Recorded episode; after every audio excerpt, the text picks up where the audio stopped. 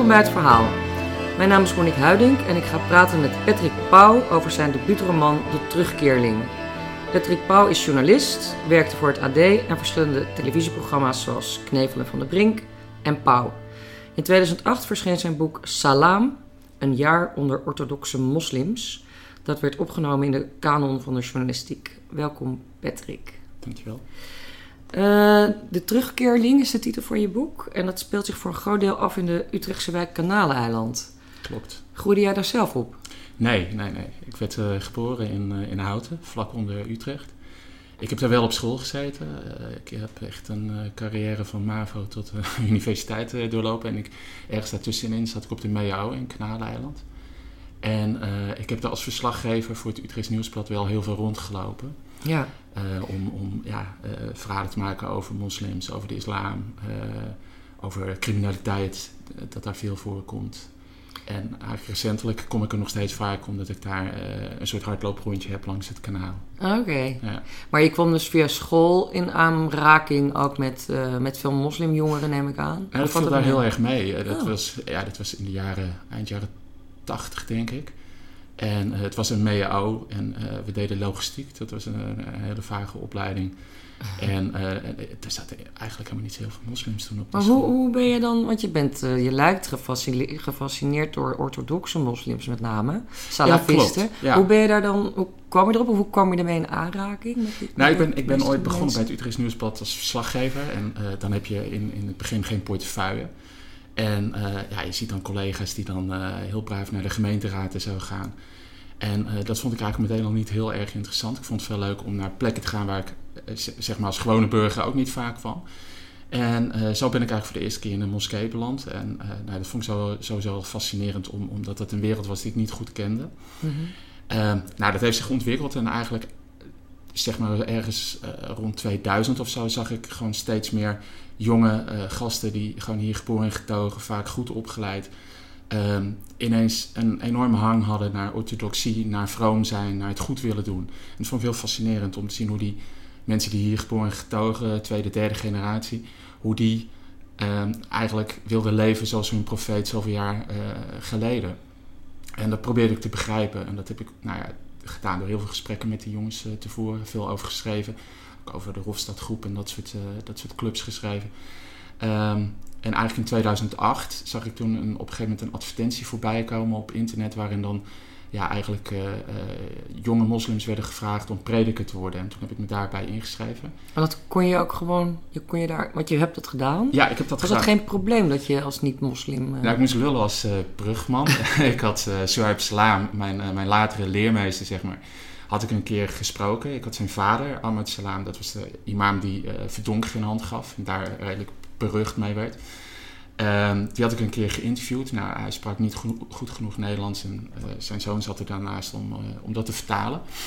En nou, hij was dus die docent op die nieuwe instelling waar ze dan ja, salafistische predikers opleiden. Ik heb hem gebeld, hij wist nog wie ik was. En dat interview was naar zijn zin redelijk goed verlopen. Uh, dus ik had uh, brownie points uh, gemaakt. En nou, ik moest uiteindelijk wel heel, heel erg veel praten, maar het is me gelukt. Heb jij daar gepresenteerd als parkeerling? Nee, nee, nee, nee. nee het is me wel, nou, ik denk in die 13 maanden dat ik daar heb gezeten, wel echt, ja, letterlijk, denk ik, misschien wel 100, 200 keer gevraagd: van wanneer wordt het tijd om je te parkeren, broeder? Mm -hmm. En je hebt toch nu heel veel kennis over de islam. Hoe kan het dan toch zijn dat je nog steeds niet bekeerd bent? Ja, die vraag die kreeg ik echt. Maar je zat er dus openlijk als journalist? Ja, ze wisten dat ik journalist ja. was. Ook mijn medeleerlingen wisten dat. Mm -hmm. uh, ik kwam wel eens in moskeeën waar mensen dat niet wisten. Maar dat fluisterde, fluisterde zich al snel door. Ik kan me een moment herinneren dat ik uh, op de vloer van een moskee lag. En in een slaapzakje. Uh, tijdens een conferentie. En dat er ineens een, een, Ja, ik was een beetje in slaap aan het sukkelen. En er kwam er ineens een gast naast me van... Hé, hey, je bent toch journalist? En, nou, ik moest me voor de gele Nederlandse journalistiek zo'n beetje verantwoorden. Ja. Ehm, maar goed, ze wisten dus dat ik journalist was. Maar ik heb nooit heel, heel stellig gezegd... ja jongens, ik ga een boek over jullie schrijven. Ik wil een fly on the wall zijn. Nou, dat kon ik op een gegeven moment redelijk goed zijn. Omdat ik daar gewoon heel vaak was. Ik deed mijn huiswerk. Ik trok heel veel met die jongens op. Kwam op bruiloften van ze. Uh, at met ze. Uh, reed in de auto naar moskeeën. Dus op een gegeven moment werd ik een beetje die fly in the wall. En kon ik, kon ik observeren en opschrijven wat, wat ik opgeschreven heb. En dat heeft geresulteerd in Salaam. Ja, klopt. Dat Ja, is je eerste boek die al, Ja, ja. dat al eh, acht jaar geleden verschenen is. klopt. Heb jij ook door, dat, door die ervaringen, eh, heb je die gebruikt in dit boek, De Terugkeerling? Zeker, ja. Niks is één op één eh, hetzelfde. Ehm, maar ik had dit boek denk ik niet kunnen schrijven als ik die ervaring niet had. Heb je Eh, nog steeds contact sinds 2008 met al deze mensen bijvoorbeeld? nee, dat niet? Nee, het contact, ik heb daarna nog een aantal van die jongens woonden bij mij in de buurt. En dan zag ik ze wel eens in de Albert Heijn lopen. En dan groeten ze me redelijk vriendelijk eigenlijk. Mhm. Dat is een kort gesprekje gehad, maar ik heb, eh, ik heb verder geen contact meer. Oh, ja. Maar ik heb daar wel heel veel kennis op gedaan van hoe praten dit soort gasten, hoe gedragen ze zich. Vooral ook eh, jongens die ofwel als moslim zijn geboren of niet en zich bekeren tot de islam. Hoe gedragen zij zich? Hoe, hoe proberen ze zich eh, vroom voor te doen of vroom te zijn? Eh, die elementen heb ik wel allemaal gebruikt. Maar die jongens waar ik toen in 2008 mee optrok, dat waren wel heel andere jongens dan eh, de Bilal van Wijk uit de terugkering. Die is wel echt een paar graadjes radicaler, zullen we maar zeggen. Ja, je zegt het al, Bilal. Ja, Bilal heet een van je... Je hebt eigenlijk twee hoofdpersonen. Klopt. Bilal en Mo. ja, Eh, Mo heet eigenlijk Mohammed, maar wil Mo genoemd worden. En Bilal heet eigenlijk Piotr, maar wil Bilal genoemd worden. Wat is, Ja. wat is Bilal voor? Wie is, wat is dat voor een jongen? Bilal is een jongen die is eh, geboren en getogen in Nieuwegein. Daar samenwoont met zijn vader, die compleet atheïstisch is en redelijk cynisch. Misschien wel een beetje nihilistisch, in ieder geval in de ogen van Bilal. En gewoon een Nederlander is Bilal, hè? Bedoel, ja, ja, hij is geboren als niet Piotr, Piotr, Ja, Piotr van Wijk. Dijk. Van Ja. Wijk, ja. En ehm, ja, hij is eigenlijk een jongen die ergens eh, rond eh, het moment dat de Twin Towers eh omvergeblazen worden, gefascineerd raakt door de islam. In eerste instantie, zoals heel veel Nederlanders, snapt hij er geen zak van en, en is hij boos. En hij is iemand die gaat zich verdiepen in de islam en komt er dan eigenlijk al vrij snel achter van... Hey, dus, eh, ik snap het eigenlijk wel een beetje dat, eh, dat ze dit hebben gedaan. En hij vindt in die islam eigenlijk een soort van warm bad... dat hij thuis niet heeft bij zijn vader... die eigenlijk weinig met hem te maken eh, lijkt te willen hebben. En ja, in, in, aanvankelijk is hij, eh, is hij gewoon een zoekende jongen. Vindt daar dus die warmte die hij thuis niet heeft in die moskeeën. Eh, waardeert de broederschap die die jonge eh, moslims eh, voelen. eh, waardeert hij heel erg. En in eerste instantie is hij eigenlijk helemaal nog niet zo radicaal. Hij wil zich vooral... Hij wil eigenlijk vooral laten zien dat hij een goed moslim is en dat hij kennis over de islam eh, heeft. En dat doet hij dan op eh, door Islam voor Dummies te lezen. En dat, is, Islam voor Dummies, ja. Ja. Dat vind ik ook echt goed. Ja, die, dat bestaat echt, hè? dat ik. bestaat echt. Ik heb dat zelf ooit aangeschaft toen ik dus als journalist Oh, ja, ja. begon te schrijven over de islam. Maar het grappige is dat bijvoorbeeld bij een aantal eh Syriëgangers in Engeland is dat boek ook gevonden. Eh, op het moment dat, dat er invallen waren toen ze weg waren. En nou, toen vonden ze dus Islam voor Dummies. Die jongens waren dus waarschijnlijk ook helemaal nog niet zo bekend eigenlijk Ja. met islamitisch gedachtegoed. En hebben zich misschien in de week of de maanden voordat ze vertrokken naar Syrië... eh, toch eventjes eh, geschoold in, in de Ja. islam door dat boek te lezen. Want in je boek komt, eh, komt ook af en toe voor dat die Bilal eigenlijk een beetje onzeker is van... is het wel, hoe doe ik dit nou wel goed? Weet je, Ja. is dit nou wel de, manier waarop het moet volgens het salafisme? Of, en dan gaat hij dat allemaal op internet opzoeken en zo. Ja, ja Sheikh Google, hè, wordt in de, in de moskee heel veel voor gewaarschuwd. Heel veel van die jonge, Jij Google? ja, ja, heel veel van die, van die jonge gasten, die, ja, die doen hun kennis gewoon op door een beetje te googlen. Ja. En, en juist dan eh, zie je dat die gasten heel snel heel radicaal worden Ja. ook. Ja. Ja. Eh, die andere hoofdpersoon, eh, Mo, wat is dat voor een, voor een jongen? Mo is een jongen die groeit op in Kanaleneiland. eh is een beetje een outsider. Kanaleneiland in Utrecht. Ja, klopt. Ja. Hij, eh, hij houdt heel erg van, eh, van lezen en, en nou ja, is, is slim. En ehm, als, je, als je zeg maar een nerd bent in Kanaleiland, zo stelde ik me voor, dan ben je eigenlijk per definitie verdacht in, in, in, in kringen van, van jongeren. Omdat eh, ja, je moet straat zijn en hij is eigenlijk veel meer. Hij zit liever met zijn neus in de boeken dan dat hij op straat rondhangt. Ehm, hij voelt zich niet op, eh, op gemak op, ja, in die wijk, eh, op school. Hij, hij loopt liever over de oude gracht in het centrum van Utrecht, het oude centrum, dan dat hij op hoge treinen rondhangt, zoals de meeste van zijn leeftijdsgenootjes. Ehm, en ja, hij heeft latent homoseksuele gevoelens, worstelt daar ook mee. Ja, in alle opzichten een outsider. Ja.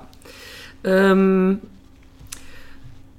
eh, beide jongens, zowel Mohammed als, eh, Mo sorry, als Bilal, die Ja. worstelen eigenlijk met hun identiteit. Klopt. Het is een, eh, in die zin is het boek ook een beetje een coming-of-age uh, Ja. roman.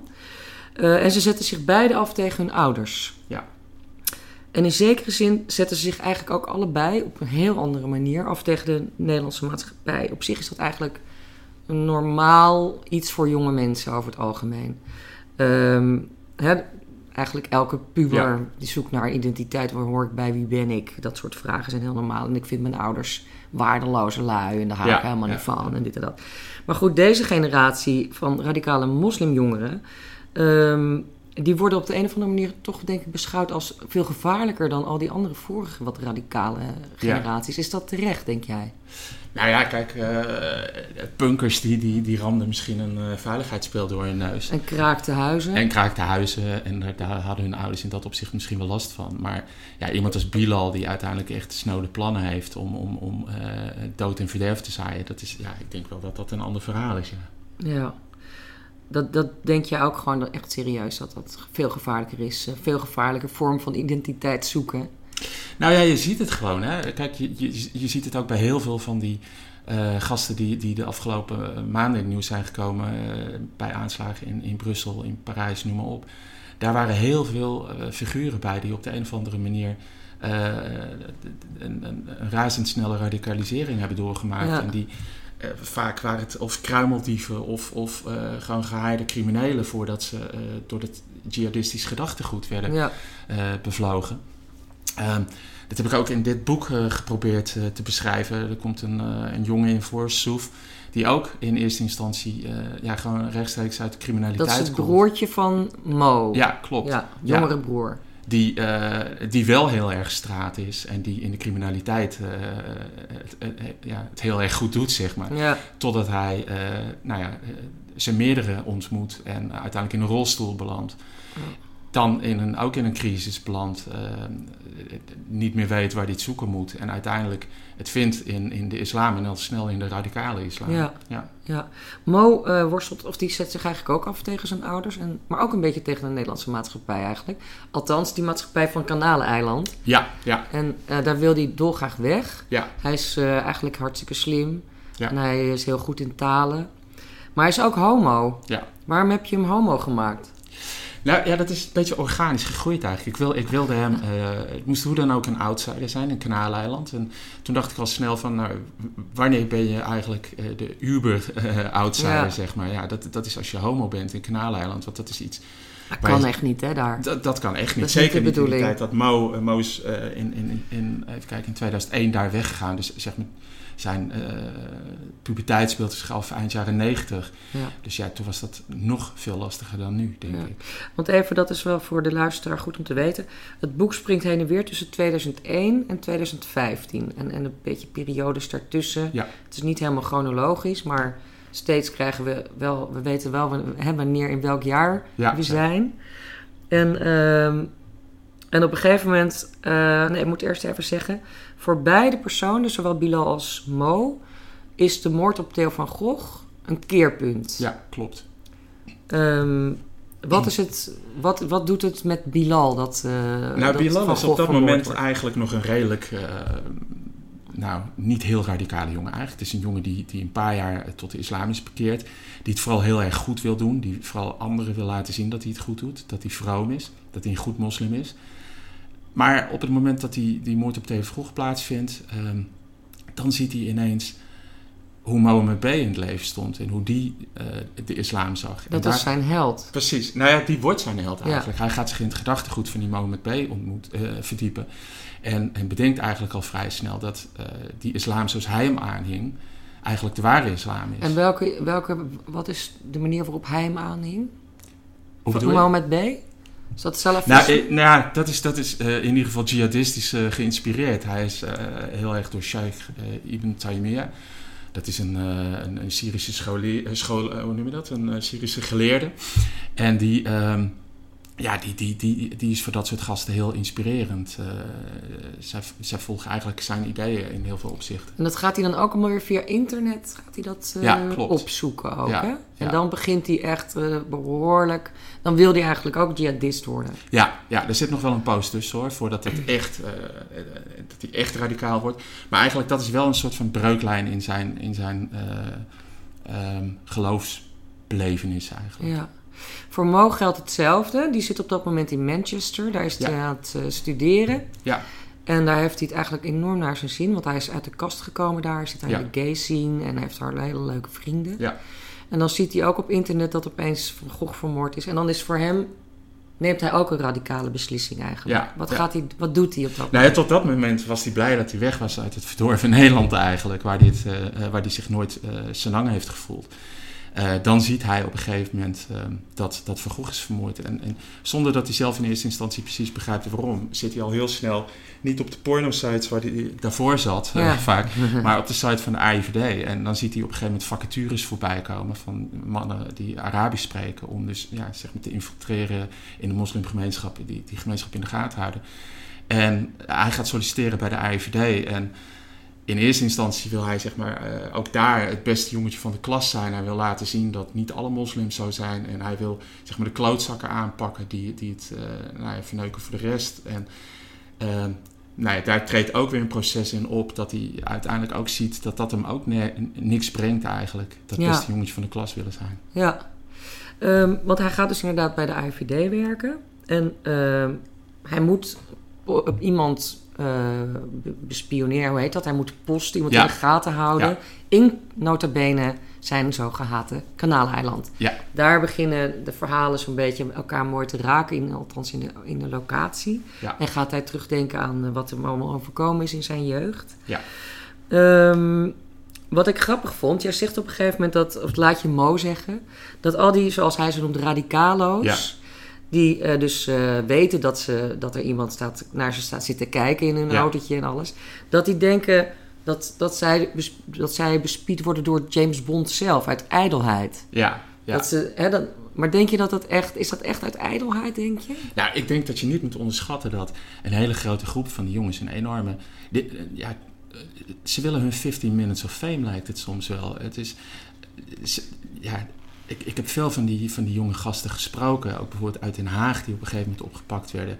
En je merkte gewoon dat dat onderdeel van, van dat hele proces waar ze mee bezig waren, dat had met geloof te maken, maar dat had ook echt te maken met gewoon persoonlijke ijdelheid en, in, in het... En ambitie of beroemd willen worden of Ja, zo. in zekere zin wel, ja. Dat, dat, dat is ook het moment dat Bilal op een gegeven moment uh, tien jaar na de moord op T.V. Gogh denkt hij van nou dit is een mooi moment om toe te slaan, om de wereld te laten zien dat er in Utrecht een jongen is die, uh, die, die toeslaat, die Utrecht op de kaart zet, die ja. Nederland op de kaart zet. Waar komt die enorme vernietigingsdrang eigenlijk vandaan? Dat, dat suïcidale van uh, dit soort jongeren? Ja, jihadisten. Dat, dat snap ik ook niet helemaal. Uh, die 72 maagden, die zal er misschien iets mee te maken hebben, uh, wat beweerd wordt. Ja, dat lijkt maar me te weinig. Het lijkt mij ook te weinig, eerlijk gezegd. Um, ja, als ik het wist, dat, dat, dat is het lastige ook bij dit, dit hele uh, fenomeen. Hè? Als er een eenduidig antwoord op was te geven, dan zou het ook makkelijker zijn om het te bestrijden. Maar je schrijft ook ergens, of je laat een van je personages ergens zeggen dat het aardse bestaan maar een oefening is ja. voor uh, het latere bestaan ja. na de dood. Ja, nou dat is absoluut iets wat, uh, wat moslims denken. En wat ik toen in, in, in dat klaslokaal bij die Suhaib Salam, waar ik dan 13 maanden mee heb opgetrokken, ook echt hoorde. Van, uh, er werd gewoon verteld van ja, dit hele leven is slechts een test voor het hiernamaals. Je moet zorgen dat straks de weegschaal goed uitslaat. dus je moet goede dingen doen. Ja. Um, zij is, zij heel erg gefocust op uh, het op leven na de dood. Zeker, ja, ja. Ja, en als je dan ziet wat daar allemaal beloofd wordt, ja, dan kan je daar misschien iets van begrijpen. Hoewel ik dat zelf vrij lastig vind. Ja. ja. Maar dat is de kern van die vernietigingsdrang. Uh, of tenminste, dat maakt het goed. Dat ja, is de motor misschien. Ja, dat, dat speelt zeker een rol. Maar ik, ik, ik denk ook dat... Want die jongens denken werkelijk daar zijn ze van overtuigd dat het zo'n aanslag plegen ja. of een moord plegen op een niet-gelovige ja. of een verkeerde, iemand van de verkeerde kant ja. van de islam, dat ze daarmee uh, ja, zich eigenlijk een, een, een, gratis toegangskaartje tot het, uh, tot de hemel uh, Ja. verschaffen. Nou ja, dat. En, en ze denken ook oprecht dat ze het goede doen. Dat ze dus echt een goede moslim Ja. op dat moment eh, zijn. Ja, Ja. Iemand als. Mohammed B. die vond echt dat hij eh, volkomen gerechtvaardigd was om te doen wat hij, wat hij deed. En, deze Bilal van Wijk heeft precies datzelfde. Ja, ja, interessant is dat. Ehm, even kijken. Oh ja, op een gegeven moment daar wil ik je een klein stukje over laten voor- voorlezen. We springen er steeds een beetje heen en weer in de tijd in het boek. Dat, eh, dat hoeven wij in dit gesprek niet te doen. Maar op een gegeven moment heb je, zijn er de aanslagen in Parijs op Charlie Hebdo Ja. en de Joodse supermarkt. En dan leest Bilal, die is hartstikke blij dat dat gebeurd is. Die vindt dat echt fantastisch. Die, eh, nou, die ziet dat weer als een, als een geweldig voorbeeld van wat hij zelf ook wil zijn. Dan, zit, dan leest Bilal over die daders. En dan leest hij bijvoorbeeld, eh, vindt hij allemaal onware dingen, zoals dat ze porno zouden hebben gekeken Ja. of downloaden. En dan wordt hij eigenlijk ontzettend kwaad. En dan denkt hij het volgende. En Dat moet je even voorlezen. Hoe verzinnen die journalisten het? Kennen ze geen schaamte? Denken ze overal mee weg te komen? Kennelijk wel, want onlangs nog was een journalist van trouw ontslagen nadat het uitkwam dat hij jarenlang onzinverhalen uit zijn dikke Hindoestaanse duim had gezogen. Goed natuurlijk dat die gast die het leven van Haagse broeders zo zuur maakte, uiteindelijk was ontslagen. Maar die hindoe had ondertussen wel jarenlang zijn gang kunnen gaan. Met dank aan de islamofobie, die in Nederland voortwoekert als kanker in een kinderlichaam. De namen van Sherif en Said Kouachi staan nog steeds bovenaan in het zoekscherm. Hij klikt op afbeeldingen en scrolt langs tientallen, grotendeels dezelfde foto's. Wat een helden. Twee broers, zijn broeders, hielden samen 88.000 politiemensen en militairen bezig, een paar dagen lang.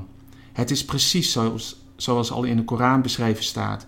Een minderheid van moslims kan een enorme meerderheid van kuffar bestrijden en ja, zelfs overwinnen. Dat is wat de aanslag op Charlie Hebdo aantoonde. Als Allah subhanahu wa ta'ala plannen met je heeft, dan ben je tot alles in staat. Ja, wat ik, wat ik interessant vind van dit fragment begint met schamen die journalisten zich niet. Ja. Ehm, eigenlijk is, is, is deze cultuur van deze jongeren een schaamtecultuur. Ja. Terwijl eh, de Europese cultuur veel meer een schuldcultuur is. Ja. Die voortkomt uit het christendom. Is dat niet ook een, een, een, een, een, een heel erg eh, belangrijke clash tussen die culturen? Dat we praten langs elkaar heen eigenlijk. eh. Ja.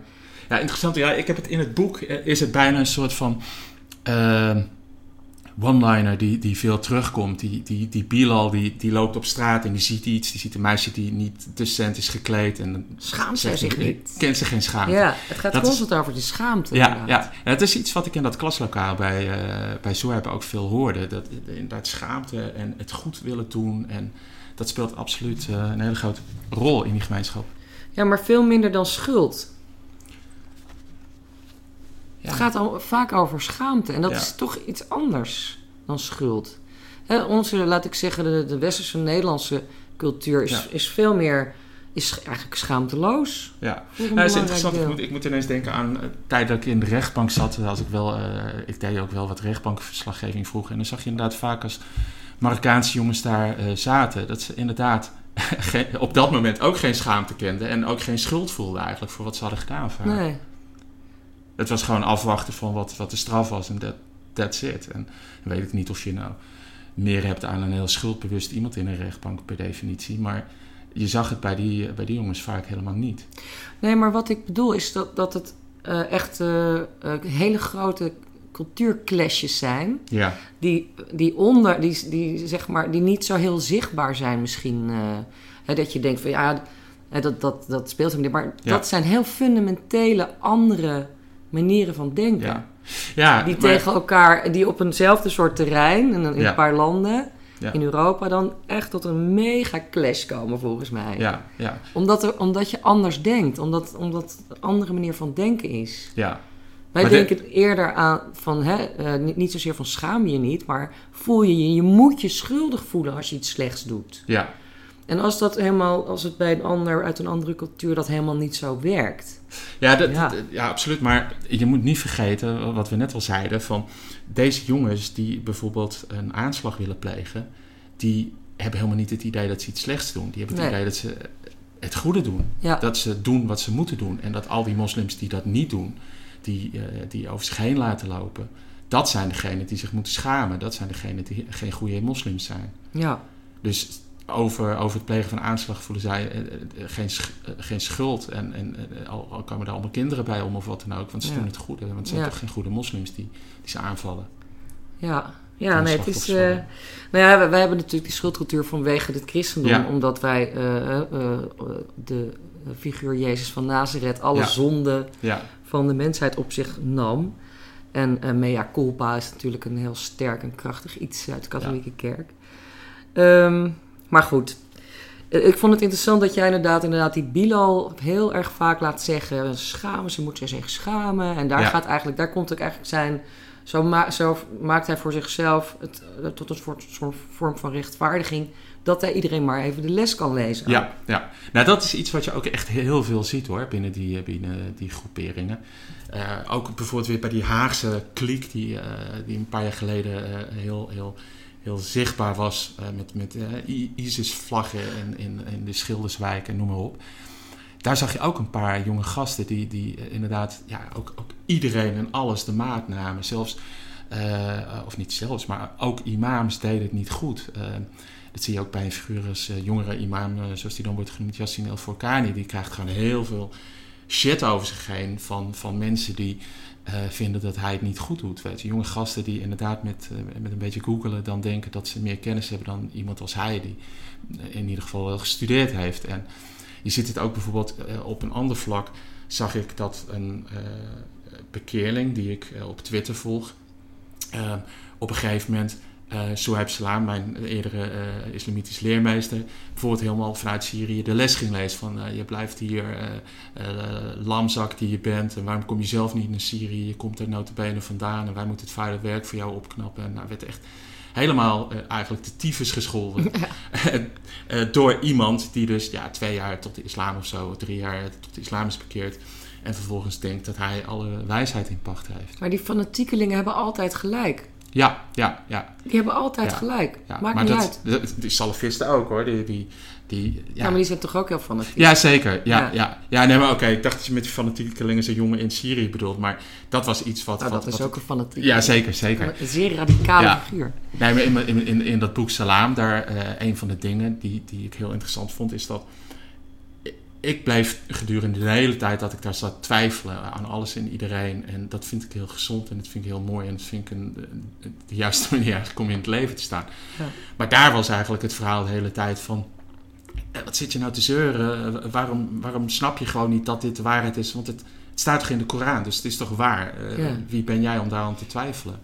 En dat, ja, dat, dat is wel een heel andere uh, levenswijze. Ja, want Bilal die wordt natuurlijk ook, die, die wordt ook omringd door allerlei familieleden, of, of in ieder geval familieleden van zijn vrienden, ja. van zijn moslimvrienden, waarvan dan bijvoorbeeld de zus het weer niet te goed doet, of dan is er weer iets, uh, dan is er weer een broer die heeft op de een of andere manier, uh, die, die, die heeft gewoon een blond, blonde vriendin. En, ja. een, en daar zet hij zich ook enorm tegen af. Ja. En die, die mensen, want dat, dat aspect belicht je daardoor ook, dat zijn eigenlijk dus de familieleden die denken: oh jee, mijn zoon radicaliseert ja. of mijn dochter. Ja. En hoe kunnen we dit stoppen? Maar die hebben helemaal geen invloed op die, op die jongelui. Nee, nee.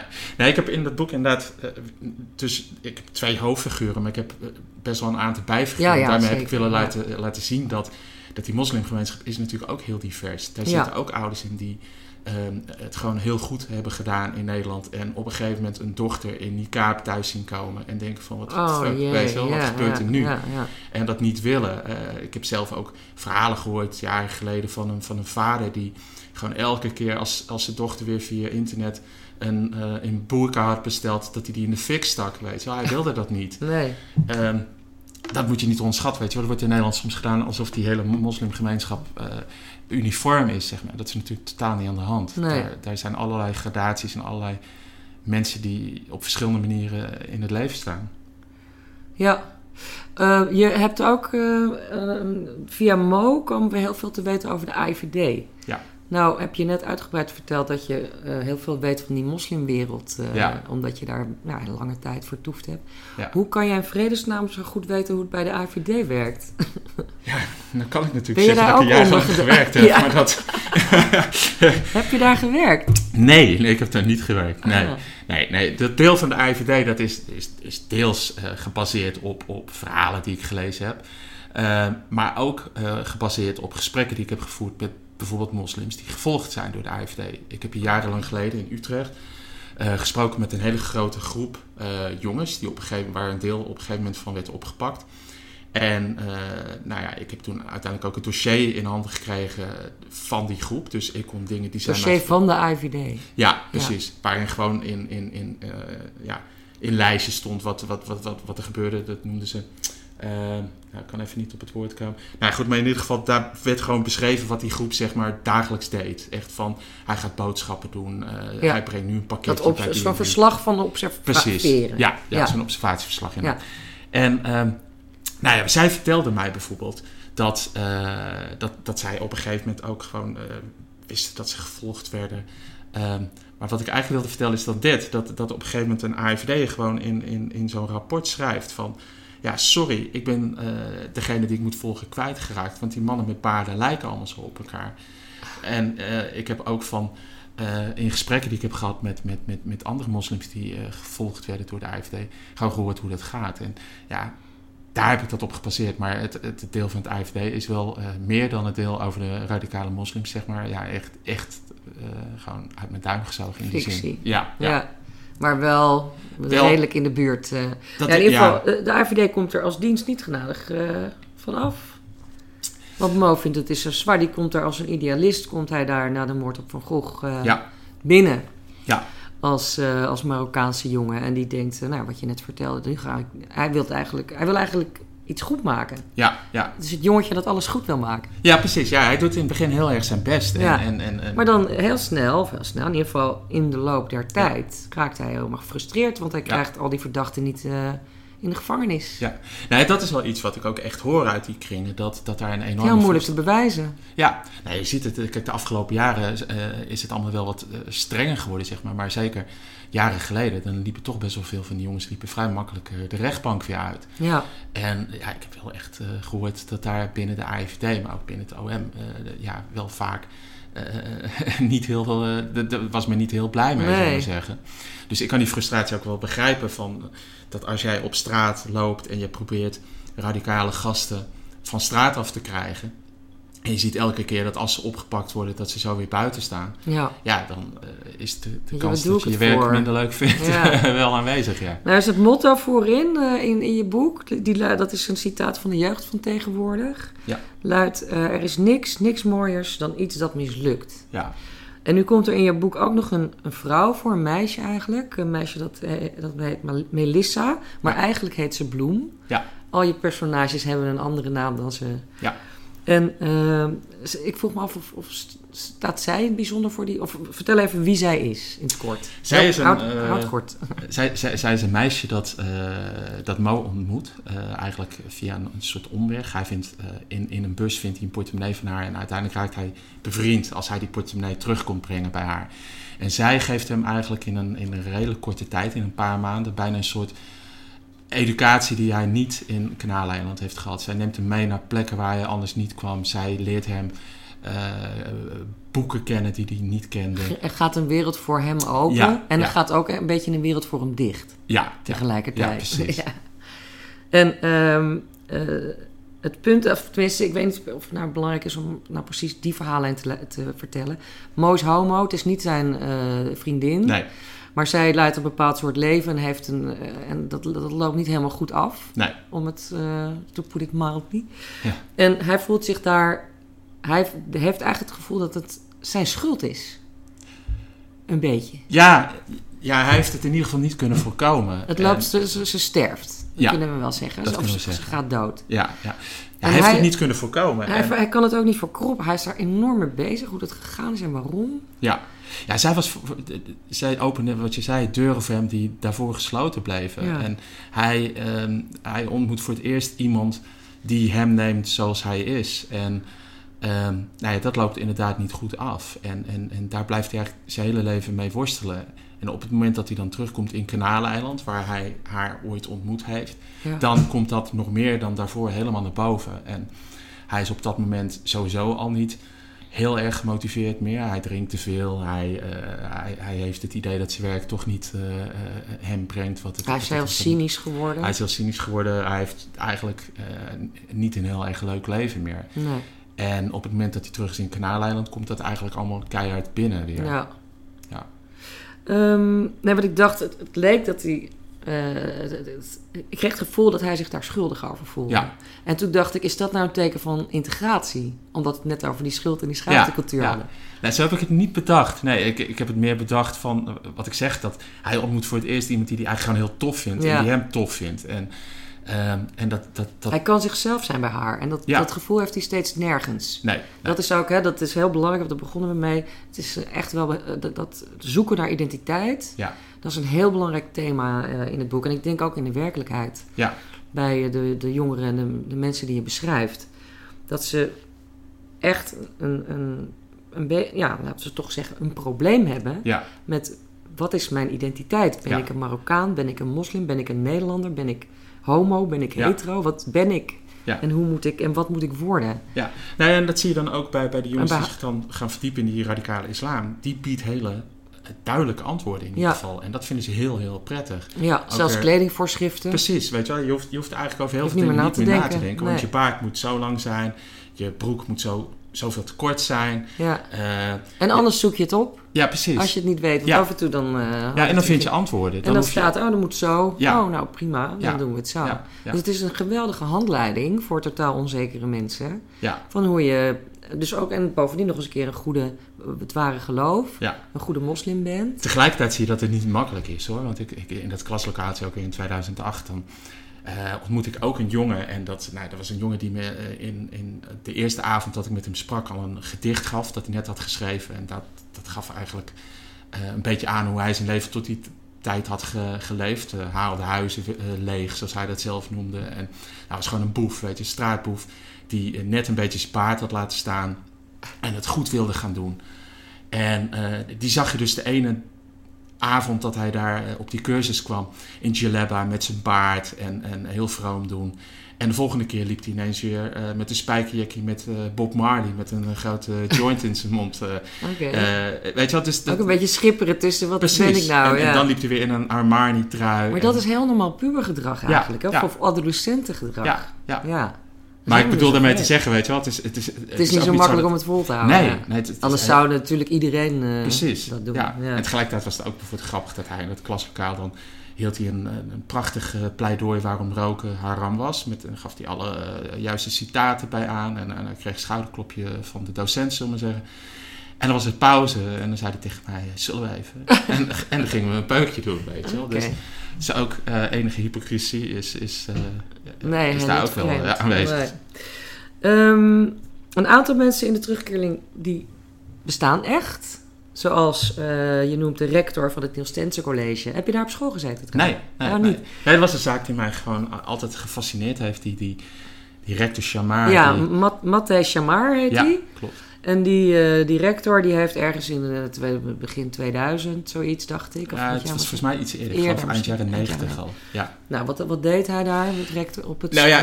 Dat, is- dat is in een school, een middelbare school in Kanaaleiland. ja, grote middelbare school, inmiddels gesloten. Ik weet het omdat ik daar vroeger trainde voor mijn sport basketbal. Goh. Maar ehm, hij was de eerste die zei: eh, Ja, zo gaat het niet langer. Deze Ja. school wordt veel te zwart. Ja. We moeten spreiden.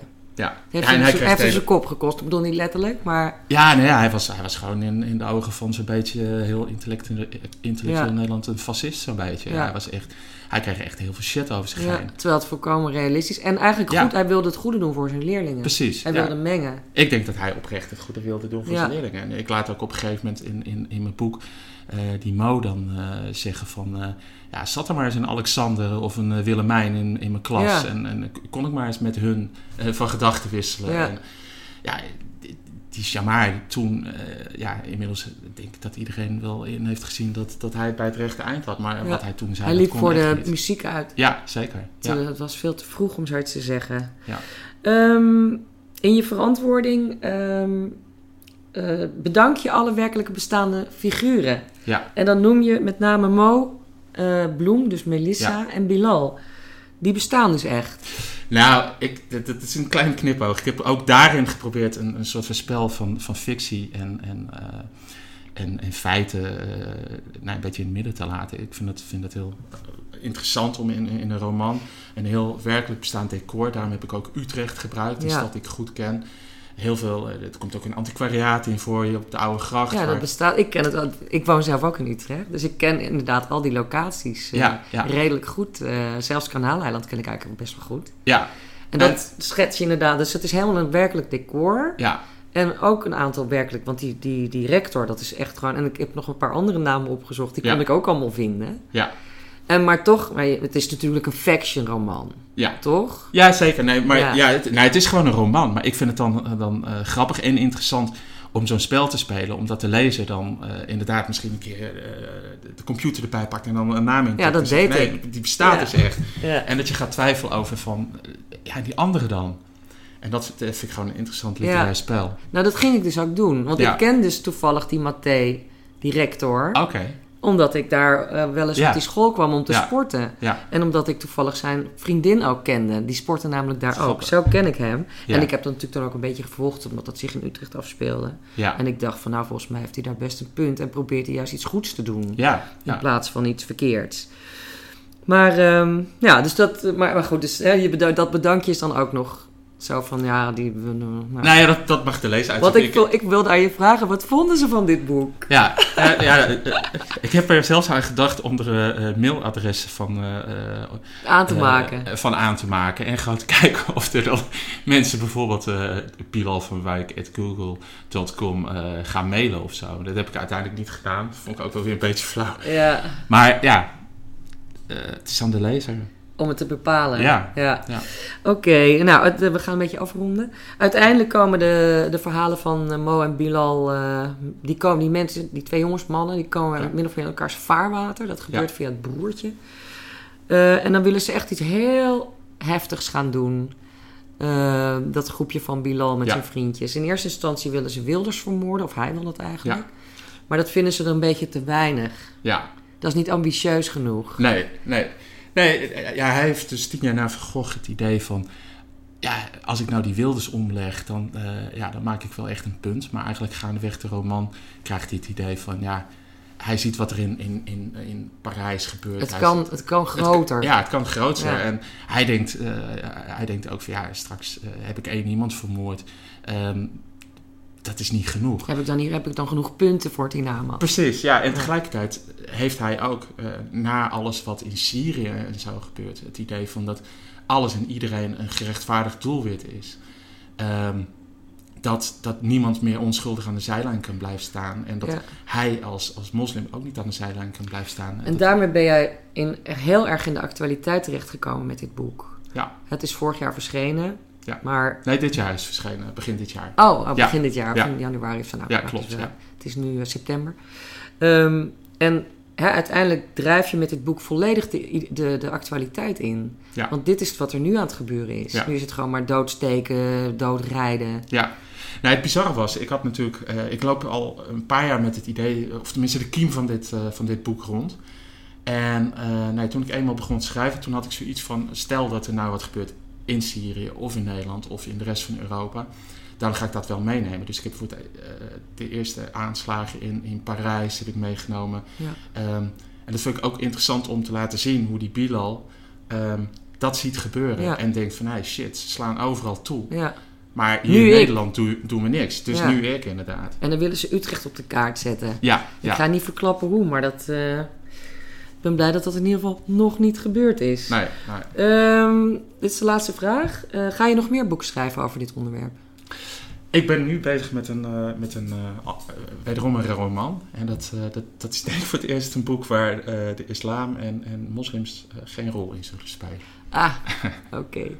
Nou, dankjewel voor dit gesprek. ik sprak met Patrick Pauw over zijn boek De Terugkeerling.